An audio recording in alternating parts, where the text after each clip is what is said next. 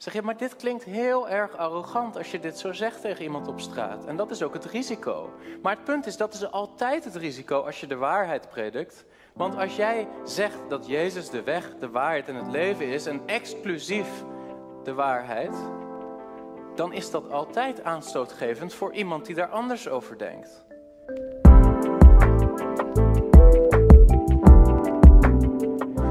Onvermijdelijk dat wij aanstootgevend zijn, zowel in het evangelie wat we prediken als in onze apologetische benadering.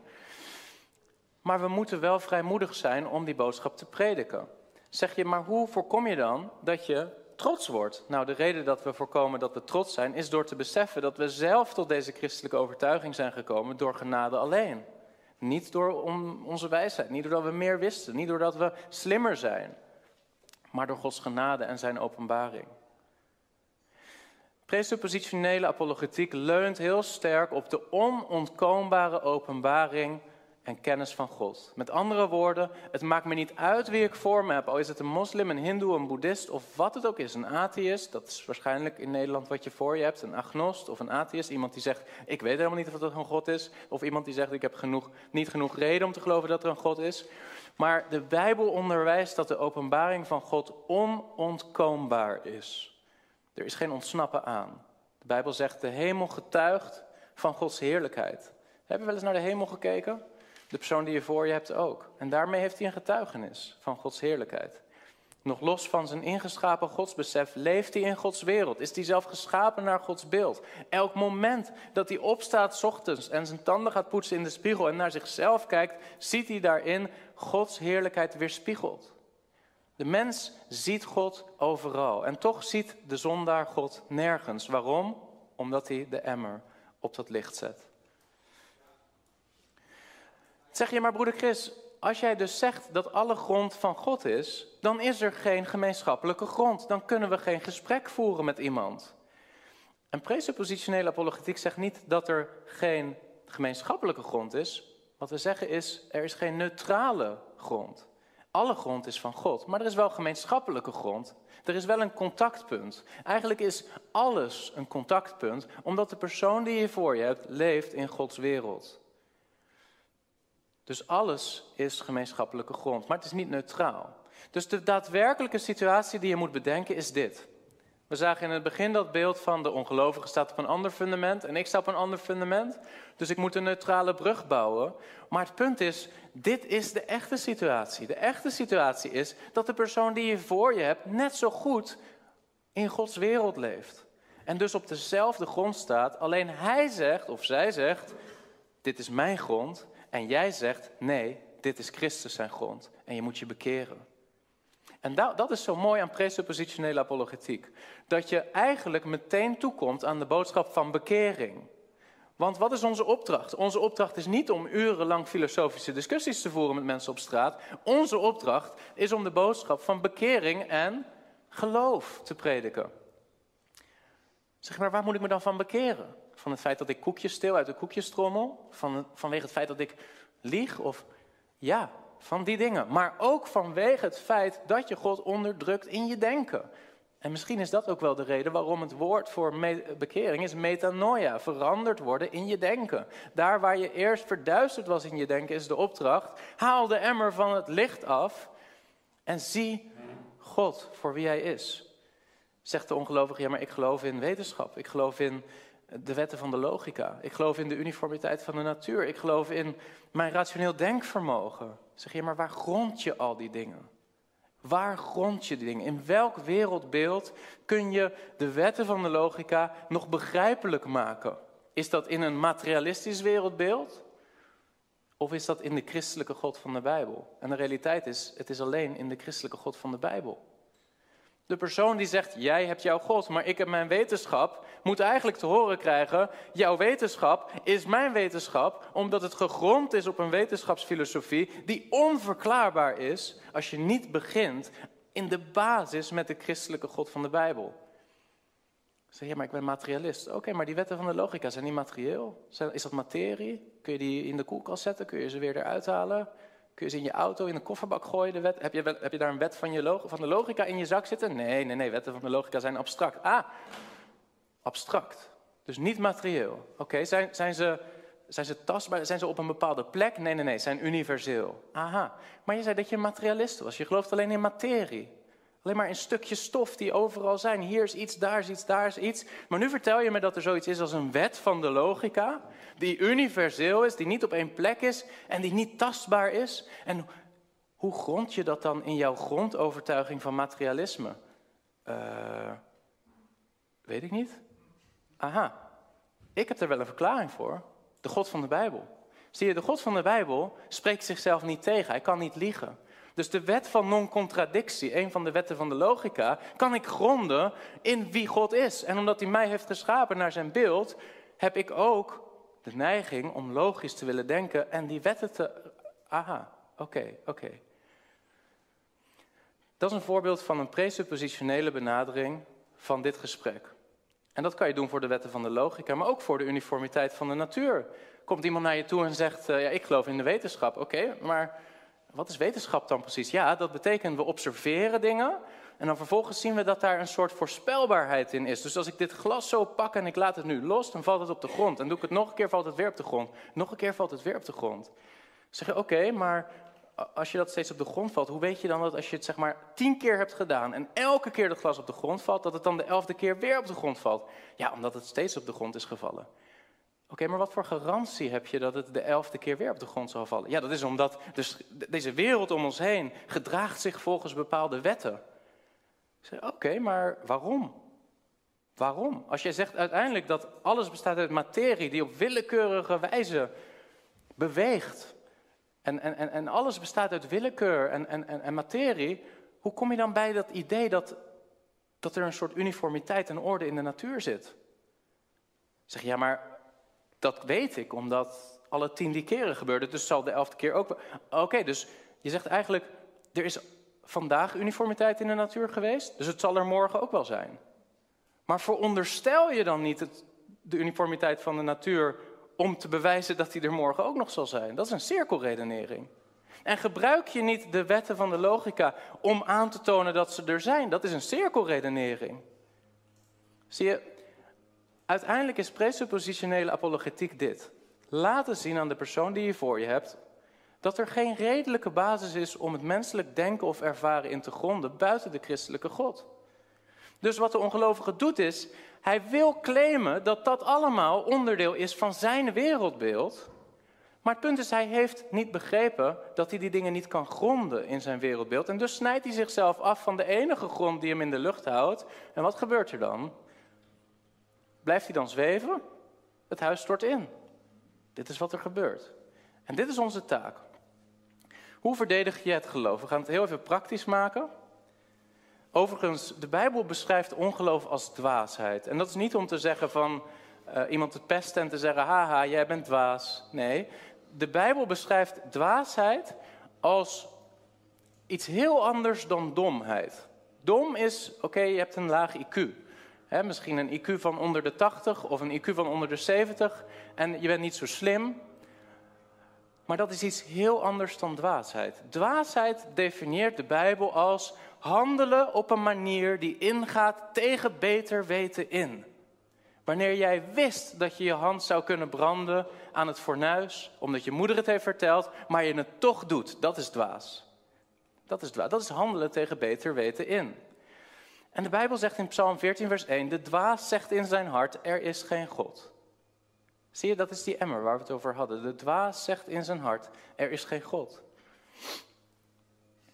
En de Bijbel zegt in 1 Korinthe 1, vers 20, zegt Paulus: Heeft God niet de wijsheid van de wereld tot dwaasheid gemaakt? Dus de mens die de woorden van Christus hoort en toch zijn leven bouwt op een verwerping van die openbaring, is de dwaas die zijn huis bouwt op zand. Dat is dus het simpele beeld waar we steeds op terug proberen te komen. Zeg je, is het dan onze taak om dat huis wat gebouwd is op zand, om dat te helpen instorten? Dat zal toch vanzelf instorten? Ja, maar in apologetiek is het wel fijn om dat huis een handje te helpen. En gewoon een beetje druk op dat huis uit te oefenen om te zien hoe snel het bezwijkt. Zeg je, maar broeder Chris, is dat jouw mening? Nee, dat zegt Paulus. 2 Korinthe hoofdstuk 10, vers 4. De wapens van onze strijd zijn immers niet vleeselijk, maar krachtig door God tot afbraak van bolwerken. Oh, maar wat zijn die bolwerken dan? zegt Paulus, wij breken valse redeneringen af en elke hoogte die zich verheft tegen de kennis van God en we nemen elke gedachte gevangen om die te brengen tot gehoorzaamheid aan Christus. Dus ja, we hebben wel een bepaalde bijbelse grond om ook valse wereldbeelden af te breken. Dan kom ik op dit punt, de tweevoudige apologetische procedure. En dat is eigenlijk dit. Dan komen we even bij dit beeld terug. Dit is de situatie zoals die is.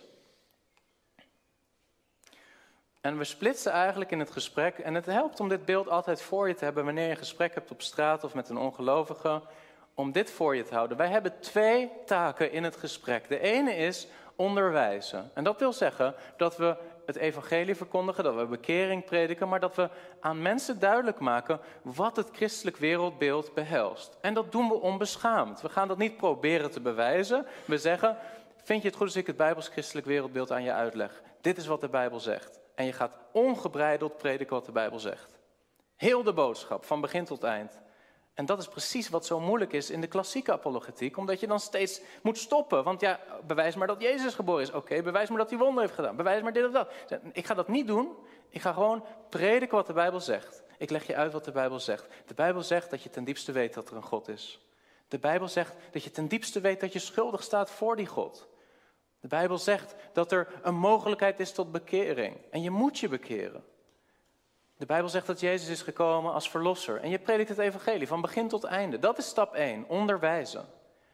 Maar ook de wetten van de logica passen in het christelijk wereldbeeld omdat God de basis daarvoor vormt. De voorspelbaarheid in de natuur en de uniformiteit die we overal zien om ons heen is verklaarbaar vanuit het christelijk wereldbeeld omdat God beloofd heeft zijn schepping in stand te houden. Hij heeft gezegd er zo vanaf, en dat zegt hij ook in het uh, in het verbond met Noach. Van nu af zal er onafgebroken oogsttijd zijn, zaaitijd zijn. Zomer en winter, seizoenen. Uniformiteit. Een voorspelbaarheid in de schepping. Het is onderdeel van de orde die God geeft aan de schepping. Dus je onderwijst steeds weer opnieuw waarom het christelijk wereldbeeld in staat is om heel onze realiteit, inclusief ons vermogen om logisch te denken, inclusief onze ethiek, te gronden. Maar, en dan kom je bij stap 2, je breekt ook het wereldbeeld af van de persoon die je voor je hebt. Je gaat ook bolwerken slopen. Zeg maar daar ben ik te lief voor hoor, dat doe ik niet. Oké, maar doe dan in elk geval stap 1, oké? Doe dat dan. Laat je niet twee uur lang ophouden met een discussie over of dat God wel of niet bestaat. Wat is nodig voor apologetisch succes? En dit is heel belangrijk. Veel mensen denken dat ze pas trouw zijn in hun roeping om het christelijk geloof te verdedigen op het moment dat ze de persoon die ze voor zich hebben overtuigen. Maar iemand overtuigen is iets heel anders dan overtuigende argumenten leveren voor waarom het christelijk wereldbeeld juist is. Je kunt je taak heel goed vervuld hebben maar geen resultaat daarvan zien. En het kan heel goed zijn dat jij tegen iemand zegt, de Bijbel zegt dat je ten diepste meneer weet dat God er is. Dat de persoon op dat moment zegt, haha, dat weet ik allemaal helemaal niet joh, gekke christen, ik ga naar huis. Ga naar huis. Maar twee jaar later sterft zijn partner, ligt hij op bed, na te denken over wat voor uh, rotte appel die is geweest naar die partner en zijn leven te overdenken. En plots komt die gedachte weer naar boven. Er was daar toen iemand op straat die zei: Meneer, u heeft God nodig en ten diepste weet u dat hij. En dan zal God dat getuigenis gebruiken om die persoon tot Christus te leiden. Want jouw woorden zijn de woorden van de schrift geweest. En de Heilige Geest is in staat om die woorden levend te maken in het hart van de persoon. Zeg je, maar ik ervaar zo weinig succes. Ja, maar het is niet aan jou gegeven om altijd de vruchten van jouw werk te zien. Maar ik zal je wel dit vertellen. De Heilige Geest zal die woorden gebruiken die jij op dat moment sprak in trouw aan de schrift en niet de twee uur lange discussie met een klassiek apologeet. Althans, dat geloof ik. Daar ben ik van overtuigd. God moet op soevereine wijze het verstand openen. Dat is wat de Bijbel leert. De Bijbel leert dat het uiteindelijk niet afhankelijk is van jouw slimheid. Maar wat wel nodig is, is dat het woord gepredikt wordt. En dat is ook belangrijk om dat te doen. En dan zegt de Bijbel en de Heer Jezus: Alle dingen zijn mij overgegeven door mijn Vader. Niemand kent de Zoon dan de Vader. Niemand kent de Vader dan de Zoon. En hij aan wie de Zoon het wil openbaren. Dus openbaring is nodig voordat mensen tot overtuiging zullen komen. Maar jij hebt daar geen controle over. Dus je hoeft je succes niet af te meten aan wat je ziet, maar je moet wel je succes afmeten aan deze vraag: als ik straks sta voor Christus en mijn woorden die ik heb gesproken langs de standaard van wie hij is en wat hij heeft geopenbaard aan mij wordt gelegd, zal hij dan zeggen: goed gedaan, trouwe dienstknecht? Of zal hij zeggen: waarom heb je twee uur lang mensen op het verkeerde been gezet door een discussie te voeren over het al dan niet bestaan van God? En daarmee geloofwaardigheid gegeven aan zijn zondige positie. Zie je, dit is waarom het best wel een probleem is als je niet nadenkt over hoe je dit aanpakt. Dit is uiteindelijk wat er moet gebeuren. Prediking van het woord van God, waarbij de geest van God kan werken om die persoon te brengen tot een andere positie. En ik wil dit nog even noemen om het iets praktischer te maken. Ik noemde het al, maar vrijmoedige prediking van de hele boodschap van bekering en geloof. En ik, ik kom misschien nu een beetje bot over en dat moet je niet doen. Je moet liefdevol zijn in je gesprek met mensen en je moet gevoelig zijn voor mensen, maar wees wel vrijmoedig in het prediken van de boodschap. En soms kan je dat gewoon doen door te zeggen: Meneer, vindt u het goed als ik u uitleg wat het christelijk wereldbeeld is? En soms zeggen mensen dan dat is goed. En dan heb jij gewoon even de tijd om zonder dat er ook maar iets bewezen hoeft te worden, te vertellen: dit is wat de Bijbel onderwijst. Oké. Ik heb hier drie termen genoemd die in de filosofie eigenlijk de drie grote hoofdstukken zijn waar filosofen zich door alle jaren heen mee bezig hebben gehouden. En dat is epistemologie. Wie heeft wel eens gehoord van die term epistemologie? Niemand. Epistemologie gaat over kennistheorie. Hoe weet je wat je weet? En dat is een heel belangrijke vraag geweest door de eeuwen heen voor filosofen. Hoe weten we eigenlijk wat we weten? En dat brengt ons op vragen zoals: weten we dat door ons denkvermogen, maar hoe kunnen we daarop vertrouwen? Weten we de dingen door wat we observeren, maar kunnen we onze ogen vertrouwen? Hoe komen we tot ware kennis? Hebben filosofen zich heel lang mee bezig gehouden? Jij zegt natuurlijk als christen, ja, ik kom tot ware kennis doordat ik God kan vertrouwen. En die heeft mijn ogen geschapen. En ik kan God vertrouwen dat Hij mijn denkvermogen heeft geschapen. Maar moet je voorstellen dat je begint bij een materialistisch wereldbeeld. En dat je gelooft dat je niks anders bent dan een product van miljoenen, miljoenen jaren van ongeleide evolutie. En je hersenen idem dito. Dan is de grote vraag: kun je je hersenen vertrouwen om jouw informatie te geven over wat waar is of niet? Want als evolutie alleen maar als doel heeft gehad survival of the fittest, wie het best aangepast is aan zijn omgeving kan het best overleven, dan zijn je hersenen dus eigenlijk een machine gericht op overleving. Niet op het vinden van waarheid en zeker niet op het vinden van existentiële waarheid. Nee joh, vooral vind ik de banaan of vindt iemand anders de banaan sneller. En dat is inconsistent. Maar het christelijk wereldbeeld biedt een fundament voor epistemologie. Het christelijk, fundament, het christelijk wereldbeeld biedt een fundament voor metafysica. Metafysica is de vraag: wat is de aard van onze natuur? Wat is de aard van de wereld? Wat is de natuur van de natuur? Is het materie of is het geestelijk, zoals uh, veel Hindoes geloven, dat, dat de, de, realiteit is geestelijk en is één? Of, of is het materie en is het allemaal particuliere atomen? Wat is de natuur van de realiteit? Nou, wij hebben als christenen daar een antwoord op. En een derde aspect van filosofie, ethiek. Wat zouden we moeten doen? Wat moeten wij doen? Hoe moeten we ons gedragen en waarom? Wat is de grond daarvoor? En dit zijn drie dingen waar filosofen eigenlijk nooit bevredigende antwoorden op hebben gevonden. Of dat je het nou hebt over Plato, of Socrates of Aristoteles en je neemt de hele geschiedenis van de filosofie door, dan zie je dat ze worstelen met deze vragen. Hoe weten we wat wij weten? Wat is de aard van deze realiteit? En hoe zouden we ons moeten gedragen en waarom? En al die vragen worden beantwoord in het christelijk wereldbeeld. En natuurlijk zijn er pogingen om ook in niet-christelijke wereldbeelden om daar antwoorden op te geven. Maar het probleem is dat die antwoorden onderling vaak inconsistent zijn. Als je het hebt over ethiek, ja, dan zegt iemand: Ik geloof dat het verkeerd is om bijvoorbeeld zomaar iemand te vermoorden. Zeg je, maar waarom dan? Is dat jouw mening? Of is er ook echt een reden om dat niet te doen? Is dat niet arbitrair? En vaak kan je het wereldbeeld van de persoon die je tegenover je hebt afbreken door allereerst aan te wijzen dat zijn positie arbitrair is. En arbitrair wil zeggen, het is jouw mening, maar je hebt verder geen grond om het te geloven. Zegt iemand, Een rechtvaardige God zou nooit iemand naar de hel sturen. Oké, heb je grond om dat te geloven of is dat jouw mening? Want als jouw mening is, maar je hebt verder geen grond om het te geloven of te onderbouwen, dan is dat interessant, maar dan is het alleen jouw mening. Ik heb daar geen betekenis. Ik geef daar geen betekenis aan. En heel vaak is de persoon die je voor je hebt, is gewoon arbitrair. Geeft gewoon zijn mening. Zeg maar, ik heb, ik helemaal verteld over het christelijk wereldbeeld, over de Heer Jezus dit en dat. En hij zei gewoon, ja, ik geloof er toch niet in. Dus dan heb ik het verkeerd gedaan. Nee, nee, nee. De persoon die je voor je hebt is arbitrair. Voelt helemaal geen behoefte om het te onderbouwen. Zo denk jij erover, maar ik denk er zo niet over. Oké, jij hebt jouw mening, ik heb mijn mening. Oké, maar dan ben je arbitrair. En het is goed om dat aan te geven. Dan ben je arbitrair. Dan heb je geen grond om dit te geloven, maar het is een keuze die je maakt. En dat is onderbouwd door de Bijbel, die zegt dat je inderdaad zondige keuzes maakt en tegen beter in het christelijk wereldbeeld verwerpt. Dus je laat zien dat het arbitrair is wat iemand gelooft, dat het inconsistent is, onsamenhangend. Want ja, ik geloof dat het fout is om zomaar iemand te doden. Zeg maar waarom dan? Ja, we zijn geëvalueerd. Ik geloof in materialisme, de evolutietheorie. En uiteindelijk hebben we met elkaar een soort als kudde dieren een sociaal contract hebben we opgesteld. En daarom vinden wij als mensen met elkaar dat do iemand doden zomaar dat dat slecht is, dat je dat niet mag doen. Dat is de sociaal contracttheorie van ethiek.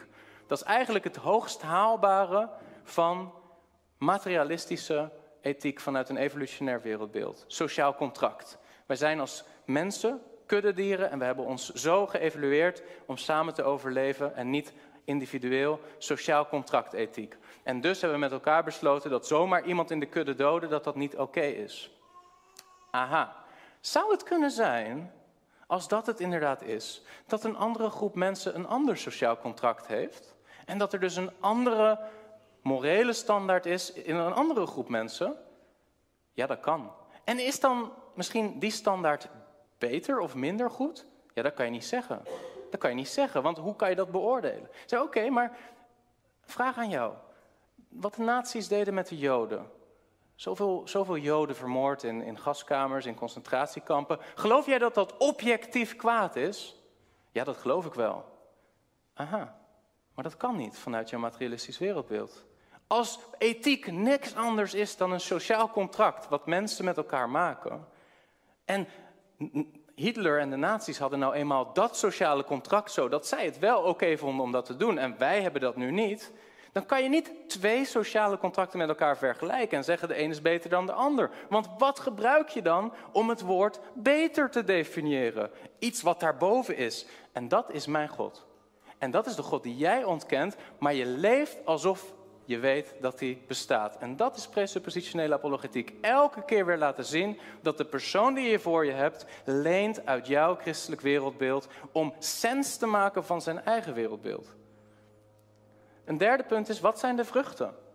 Stel jezelf altijd de vraag, de positie die de persoon voor me heeft. Er zijn maar twee wereldbeelden trouwens, hè, want misschien, we, moeten het ook niet te ingewikkeld maken. Misschien denk je, ja, maar als ik met een moslim praat, of een hindoe, ik het dan, of een mormoon, of Jehovah's. Er zijn maar twee wereldbeelden. En dat zei Cornelius van Til ook en maakte dat heel duidelijk. Er zijn maar twee wereldbeelden. Het christelijk wereldbeeld en niet-christelijk wereldbeeld. Maakt niet uit, alle andere wereldbeelden vallen in de categorie niet-christelijk wereldbeeld en komen op deze problemen. Arbitrair, inconsistent. Derde punt, wat zijn de vruchten? Als ik deze visie op epistemologie, metafysica of ethiek van de persoon voor mij zou doorvoeren tot zijn extreme conclusies, wat zouden die conclusies dan zijn? De heer Jezus zei, je herkent een boom aan zijn vruchten. En dat geldt net zo goed voor wereldbeelden. Je herkent een boom aan zijn vruchten. En een vierde punt is, geeft dit wereldbeeld mij de voorwaarden voor begrijpelijkheid? Kan ik, als ik dit wereldbeeld tot mij neem, nog enige begrijpelijke definitie geven aan het gesprek wat wij nu aan het voeren zijn? En uiteindelijk is het altijd tegen beter weten in dat het christelijk wereldbeeld onderdrukt wordt. Ik ga nog even, dit hebben we eigenlijk al een beetje besproken, uniformiteit van de natuur. Wetten van de logica is altijd een goede om te noemen. En waarom? De uniformiteit van de natuur en de wetten van de logica zijn allebei wetten die we in elke dag van ons leven ervaren en daar ook mee leven, maar die niet goed te plaatsen zijn in bijvoorbeeld materialisme als wereldbeeld. En aangezien de meeste Nederlanders uh, beleiden dat wereldbeeld te geloven, is het een goede om die altijd in je hoofd te houden. Wetten van de logica die zijn te gronden in God, zoals we zagen met die Bijbelteksten die we eerder ook noemden. Een absolute moraliteit. Nou, dit is ook, als je, je hoeft de NOS niet aan te zetten. Lieve mensen, als je naar de NOS gaat, we deden het gisteren toevallig eventjes. We gingen even naar de NOS gewoon om te laten zien dat een gemiddeld NOS-artikel een bepaald wereldbeeld in zich heeft. Er worden zo vaak morele uitspraken gedaan. Er wordt zo vaak een beroep gedaan op rationeel denken. En je vraagt je af, terwijl je het leest, wat is nou precies het wereldbeeld van de persoon die ik voor me heb? Er rijdt in, wat was het, Berlijn iemand in op een groep mensen en die sterven. En vervolgens wordt er geschreven op de NOS, ik weet niet letterlijk de woorden, maar er wordt min of meer geschreven: het is één grote tragedie wat hier is gebeurd. En dan denk je: oké, het is een tragedie vanuit mijn christelijk wereldbeeld, geloof ik, want de mens heeft intrinsieke waarde, is een beelddrager van God en daar zijn mensen op dat moment gestorven. Het morele kader van Gods karakter is geschonden door wat hier is gebeurd. Dus ik, ik begrijp vanuit mijn christelijk wereldbeeld waarom dit een tragedie was. Maar jij, meneer, de schrijver van dit NOS-artikel, waarom is dit een tragedie? Als jij zegt dat je gelooft in materialisme, dan is een mens toch niks meer dan een conglomeraat van atomen en moleculen die toevallig op die manier tot stand is gekomen, maar in feite niet zo heel veel meer dan een soort robot. En dan is het toch helemaal niet raar dat zoals dat ook gaat in de dierenwereld, dat ja, de ene leeuw die eet de konijn op en dat konijn, daar gaan we ook niet vervolgens met z'n allen een NOS-artikel over schrijven van wat treurig dat het konijn is vermoord door die leeuw. Nee, want dan erkennen we dat het konijn een andere waarde heeft dan een mens, maar in een evolutionair wereldbeeld. En een materialistisch wereldbeeld. Waarom is dit een tragedie? Is gewoon één hoopje sterrenstof is tot een andere samenstelling gekomen dan dat hij eerst had. Dat is wat er is gebeurd, ja toch? En zeg je, ja, die meneer die was verward. Stond er ook, hè? De meneer was verward. Zeg maar, verward? Wat bedoel je daarmee? Ja, hij, hij, hij dacht niet meer zo logisch. Hij, hij dacht niet meer conform de wetten van de logica. Ah, maar vanuit mijn christelijk wereldbeeld weet ik wel dat de wetten van de logica, die moeten we respecteren in ons denken. Maar, maar wat is logisch denken eigenlijk dan, meneer NOS-artikelschrijver in jouw ogen en in jouw wereldbeeld? Zijn onze hersenen niet gewoon het product van evolutie? Is het in feite niet anders dan dat je een fles cola pakt en flink gaat schudden en vervolgens hem opendraait en hij spuit eruit en dan denk je, een chemisch proces. Dat is hetzelfde als denken dan toch? Het is maar net hoe, jouw hoe jouw moleculen op dat moment draaien, wat maakt hoe je denkt. Als denken niet meer is dan moleculen in beweging, kun je dan keuzes maken? Of is het dan allemaal, ligt het allemaal vast? Is het gedetermineerd? En de realiteit is, als dat zo is, als materialisme waar is, is het allemaal gedetermineerd en is er geen vrije keuze. Maar dan kun je ook niet verontwaardigd zijn, meneer de NOS-artikelschrijver, over het feit dat die persoon dat deed. Want die persoon, ja, die was zo bedraad. Die, die was zo bedraad. Die kan je ook niet in een gevangenis stoppen of zo. Ja, misschien om, om, de, om de samenleving te beschermen voor die persoon. Maar je kan niet vervolgens boos worden op die persoon. Want hey, hij deed alleen maar wat zijn natuur tot stand had gebracht. Zie je? Het probleem is, als je gewoon naar een gemiddeld NOS-artikel gaat kijken, hè, dan zie je dat daar in de manier waarop dingen beschreven worden, dat iemand heel goed lijkt te weten dat hij in Gods wereld leeft en dat er dus moraliteit is, die niet alleen maar een sociaal contract is, maar die objectief is. Dat, want anders zeg je niet, het is een tragedie. Nee, dan zeg je, ik vind het een tragedie. Ik vind het een tragedie. Maar dat zeggen ze nooit, hè? Ze zeggen, het is een tragedie. En als het een sociaal contract is en we zijn nou eenmaal zo geëvalueerd, dan heb ik een vraag aan meneer de NOS-artikelschrijver. Is het eigenlijk niet heel raar dat bijvoorbeeld de slavernij is afgeschaft? Want ze vonden toch eerst dat met z'n allen allemaal acceptabel. En op een gegeven moment niet meer. En dan kijken we daarop terug en zeggen we: Het is maar goed dat de slavernij is afgeschaft. Maar waarom is dat goed? Waarom? Waarom zou je dat veranderen? Zie je, dit is het punt. Mensen gaan veel verder met ethiek dan een sociaal contracttheorie. Ze gaan uit van een objectieve morele standaard. Daarom heb je mensen die zeggen: Ik ben progressief. Ah, progressief. En welke kant wil je dan precies op en waarom? Ja, daar heb ik bepaalde ideeën over. Ja, maar waarom? Zie je? De mens leeft ten diepste in Gods wereld en maakt gebruik van allerlei concepten. Wij hebben een grond voor absolute moraliteit, omdat God een moreel wezen is en zijn wet in ons hart geschreven is. En daarom is er een grond voor absolute moraliteit. Niet alleen maar een of ander sociaal contract. Ik denk dat we voor nu het een beetje hierbij kunnen laten, maar ik wil nog een paar korte, ehm, korte uitspraken die wel relevant kunnen zijn als je een gesprek hebt met iemand. De empiricist. Weet je nog wat dat was? Wie weet nog wat ik had gezegd over empiricisme? Mensen die zeggen, ik geloof alleen in de wetenschap, die zeggen vaak, ik geloof in empirisch wetenschappelijk onderzoek. Dat wil zeggen, ik geloof alleen datgene wat we zintuigelijk kunnen waarnemen. En het wereldbeeld van empiricisme is in feite dit. Alleen dat wat we zintuigelijk kunnen waarnemen is waar. Als je nou presuppositioneel naar deze uitspraak kijkt, wat zou je dan vragen?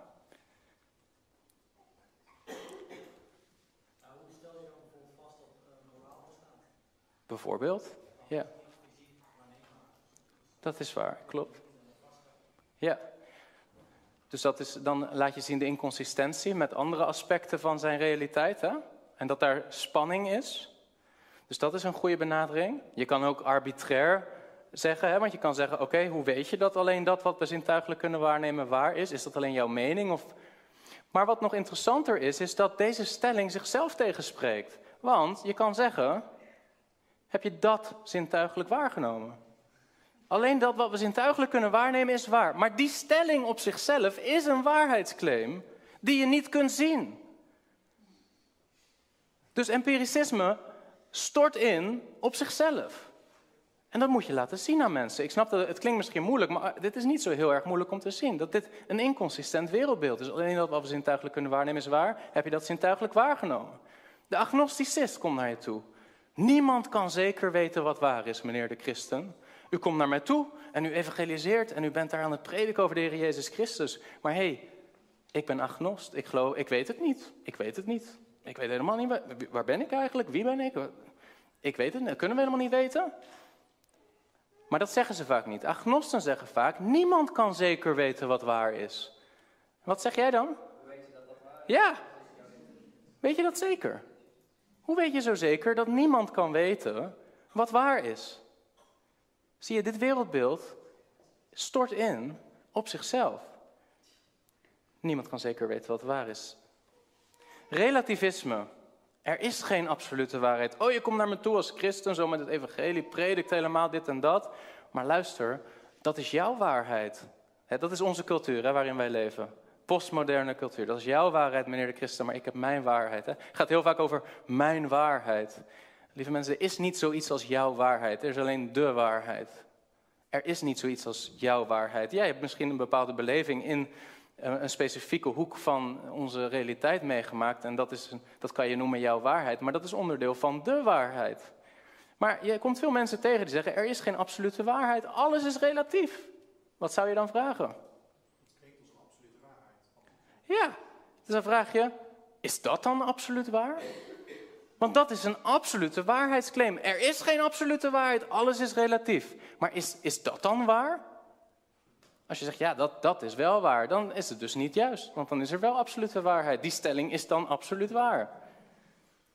Je zegt, nee, het is, het is niet waar. Er is, eh, alles is, is dat absoluut waar? Nee, het is niet absoluut. Oké, maar dan heb ik er geen boodschap aan. Als jij nu allemaal onzin zit uit te kramen en je komt met er is geen absolute waarheid, maar vervolgens zeg je dat dat niet absoluut waar is, zeg oké, doe je ding. Ik ga hier verder gewoon met leven in een samenhangend wereldbeeld.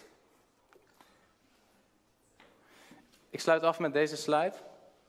En dat is een citaat van Cornelius van Til. Want we maken wel een beetje grapjes. En dat is ook, ik denk dat daar plaats voor is. Er was op een gegeven moment ook ruimte in de bediening van Elia om de Baalpriesters te bespotten en grapjes te maken. En te zeggen, oh, is Baal soms op vakantie? En ik denk dat we soms ook wel een beetje zo mogen zijn wanneer we evangeliseren. Natuurlijk moeten we gevoelig zijn en nederig zijn. Maar je mag ook echt wel weten dat datgene waarvoor wij staan de waarheid is. Cornelius van Til zei dit. De ultieme bron van waarheid, op welk gebied dan ook, rust in Hem. De wereld kan veel waarheid ontdekken zonder Christus als waarheid te bezitten. Christus steunt zelfs de mensen die hem negeren, ontkennen en tegenspreken. Een klein kind kan zijn vader in het gezicht slaan, maar hij kan dat slechts doen omdat de vader hem op zijn knie laat zitten. Op dezelfde wijze kan moderne wetenschap, moderne filosofie en moderne theologie veel waarheid ontdekken.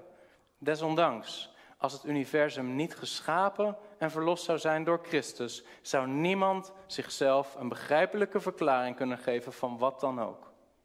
Hieruit volgt dat de wetenschapper, de filosoof en de theoloog Christus nodig hebben. En dat is wat we steeds opnieuw moeten laten zien aan de persoon die we voor hebben. Je bent als een kind dat zit op de knie van een vader en hem in het gezicht probeert te slaan, terwijl hij het enige is wat jou op dit moment in leven houdt. Terwijl de zondaar voor je met zijn tong God onteert, is het diezelfde God die zijn hart laat kloppen en zijn tong de kracht geeft om die woorden te spreken. Zie je hoe liefdevol en hoe nederig en hoe zachtmoedig God is? Dat hij dat doet. Maar het is onze verantwoordelijkheid om te laten zien dat dat is hoe de situatie in elkaar zit. Heb je iets gehad aan deze video? Druk dan op like, dan zullen meer mensen deze video zien. En wil je vaker dit soort apologetische video's of podcasts beluisteren? Abonneer je dan op deze YouTube-video's of op Apple Podcasts, dan wel Spotify. God zegen.